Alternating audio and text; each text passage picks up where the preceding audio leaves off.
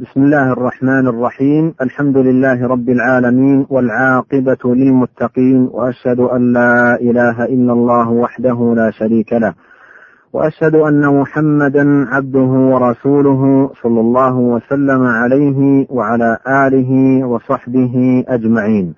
أما بعد السلام عليكم ورحمة الله وبركاته.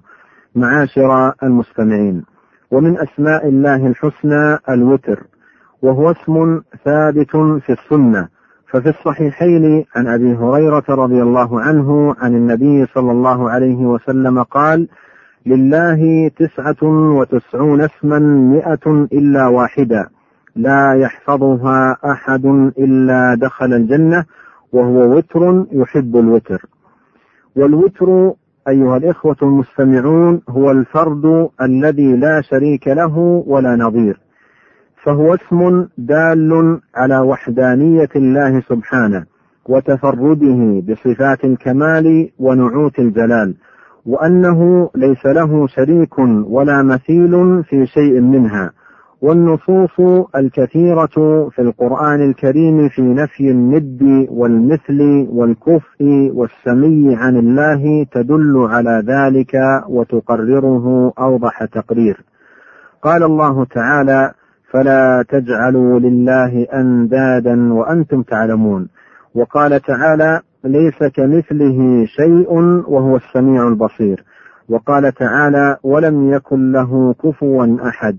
وقال تعالى هل تعلم له سميا أيها الإخوة المستمعون ففي الإيمان بأن الله وتر نفي للشريك من كل وجه في الذات والصفات والأفعال وإقرار بتفرده سبحانه بالعظمة والكمال والمجد والكبرياء والجلال. وكذلك فيه إقرار بتفرد الله بخلق الكائنات وإبداع البريات وإيجاد المخلوقات والتصرف فيها بما شاء. فلا ند ولا شبيه ولا نظير ولا مثيل. وهذا الإقرار أيها الإخوة المستمعون موجب أن يفرد وحده بالذل والخضوع والحب والرجاء والتوكل والإنابة وسائر أنواع العبادة. وفي القرآن الكريم آي كثيرة يقرر فيها سبحانه المشركين بما لا يسعهم إنكاره ولا مناص لهم من إثباته ولا مخلص لهم من الاعتراف به. من تفرده بالرزق والملك والتدبير والإحياء والإماتة والبدء والإعادة والإرشاد والهداية وغير ذلك ليقيم به عليهم الحجة في وجوب توحيده وإفراده بالعبادة وإبطال ما هم عليه من الشرك الفاضح والكفر المبين. بالعكوف على من لا يملك لهم ضرا ولا نفعا ولا موتا ولا حياة ولا نشورا.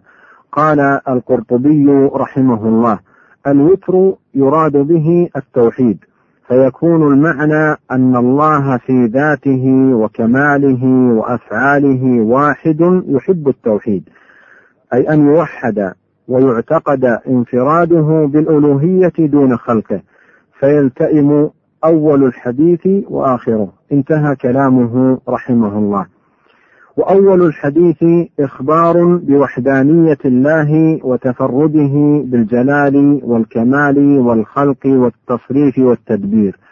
وآخره ترغيب في التوحيد وحض عليه ببيان حبه سبحانه لأهله القائمين به المحافظين عليه. وكم في القرآن من الآي في تقرير هذا التوحيد وإبطال الشرك والتنديد؟ قال الله تعالى أأرباب متفرقون خير أم الله الواحد القهار؟ وقال تعالى قل الحمد لله وسلام على عباده الذين اصطفى آه الله خير أما يشركون؟ وكم فيه من ذكر الحجج الواضحات والبراهين البينات والدلائل الساطعات وإرشاد العباد إلى الاستدلال على وحدانيته بآياته وسننه الكونية وتفرده سبحانه بتصريف المخلوقات وتدبير الكائنات مما هو أبين دليل على تفرده بالإلهية واستحقاقه أن يعبد وحده لا شريك له. قال ابن القيم رحمه الله: كل سورة في القرآن متضمنة لنوعي التوحيد، بل نقول قولا كليا إن كل آية في القرآن فهي متضمنة للتوحيد شاهدة به داعية إليه. فإن القرآن إما خبر عن الله وأسمائه وصفاته وأفعاله فهو التوحيد العلمي الخبري وإما دعوة إلى عبادته وحده لا شريك له وخلع كل ما يعبد من دونه فهو التوحيد الإرادي الطلبي. وإما أمر ونهي وإلزام بطاعته في نهيه وأمره فهي حقوق التوحيد ومكملاته. وإما خبر عن كرامة الله لأهل توحيده وطاعته وما فعل بهم في الدنيا وما يكرمهم به في الآخرة فهو جزاء توحيده.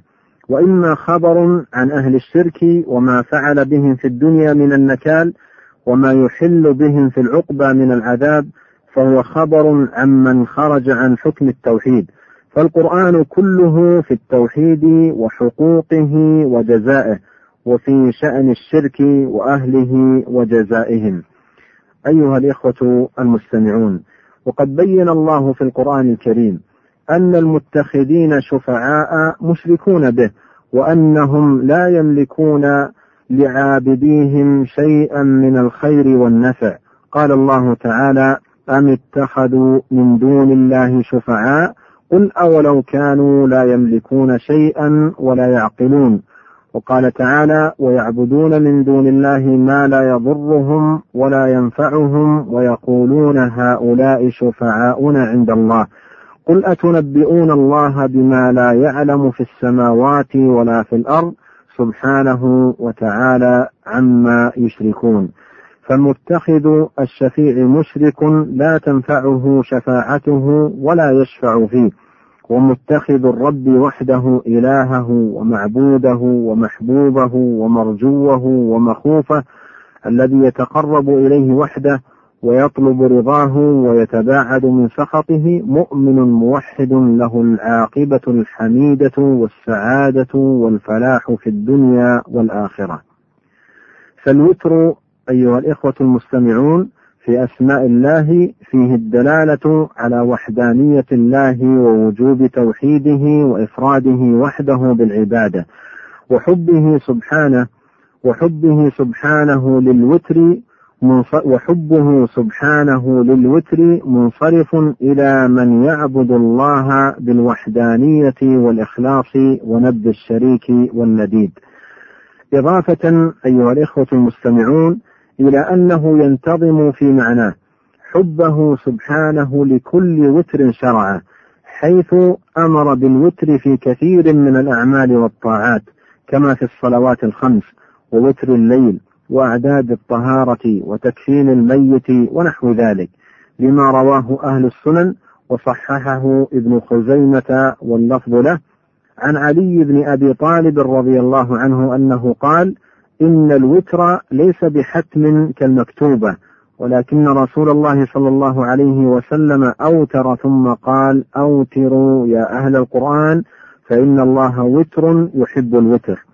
وكان نبينا صلى الله عليه وسلم يراعي الوتر في سائر شؤونه فجاء عنه الاصطباح بسبع تمرات وشرب الماء في أنفاس ثلاثة والاستغفار ثلاثا أدبار الصلوات المكتوبة وفي كثير من الأذكار والدعوات يأتي بها وترا إما مرة أو ثلاثا أو سبعا إلى غير ذلك مما ورد عنه صلى الله عليه وسلم في سنته القويمة وهديه المبارك.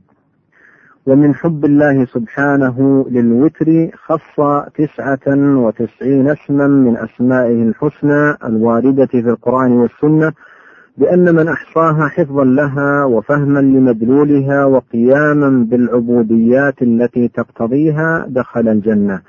وفقنا الله جميعا لتحقيق ذلك وجعلنا بمنه وكرمه من أهل جنات النعيم وإلى لقاء آخر والسلام عليكم ورحمة الله وبركاته. فقه الأسماء الحسنى. الأسماء الحسنى. برنامج من إعداد وتقديم الدكتور عبد الرزاق بن عبد المحسن البدر تنفيذ عبد المجيد محمد يوسف.